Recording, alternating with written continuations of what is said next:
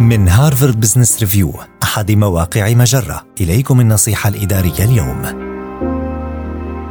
ما الذي يمنع فريقك من أن يكون أكثر إبداعاً؟ إذا كان موظفوك يجدون صعوبة في أن يكونوا مبدعين، فكر فيما يحول دون ذلك. أحياناً قد تكون عمليات الفريق هي السبب، فعندما يضطر الأشخاص إلى الالتزام بالقواعد والإجراءات بشكل صارم يجدون صعوبة في إجراء العصف الذهني تساءل هل يمكن للموظفين التعبير عن آرائهم التي تتناقض مع الطريقة التي تسير بها الأمور عادة؟ وهل يسمح لهم بالتفكير بطريقة مبتكرة؟ إذا كان الجواب بالنفي، حاول إزالة القيود البيروقراطية التي تعيقهم في جلسات التفكير الإبداعي.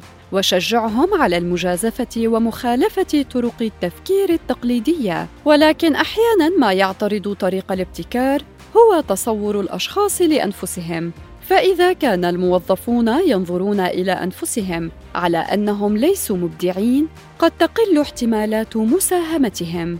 وإذا شعرت أن هناك ما يعيق أحد الموظفين قدم له التدريب والدعم. وذكر الموظفين بأنه لا توجد اقتراحات خاطئة أو سيئة وأن كل مساهمة لها أهمية. وأخبرهم أنهم إذا كانوا يؤمنون أن بإمكانهم أن يصبحوا أكثر ابداعا وابتكارا بمرور الوقت فهناك احتمال كبير أن يصبحوا كذلك.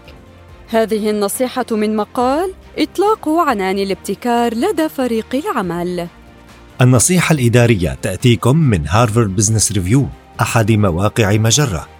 مصدرك الأول لأفضل محتوى عربي على الإنترنت.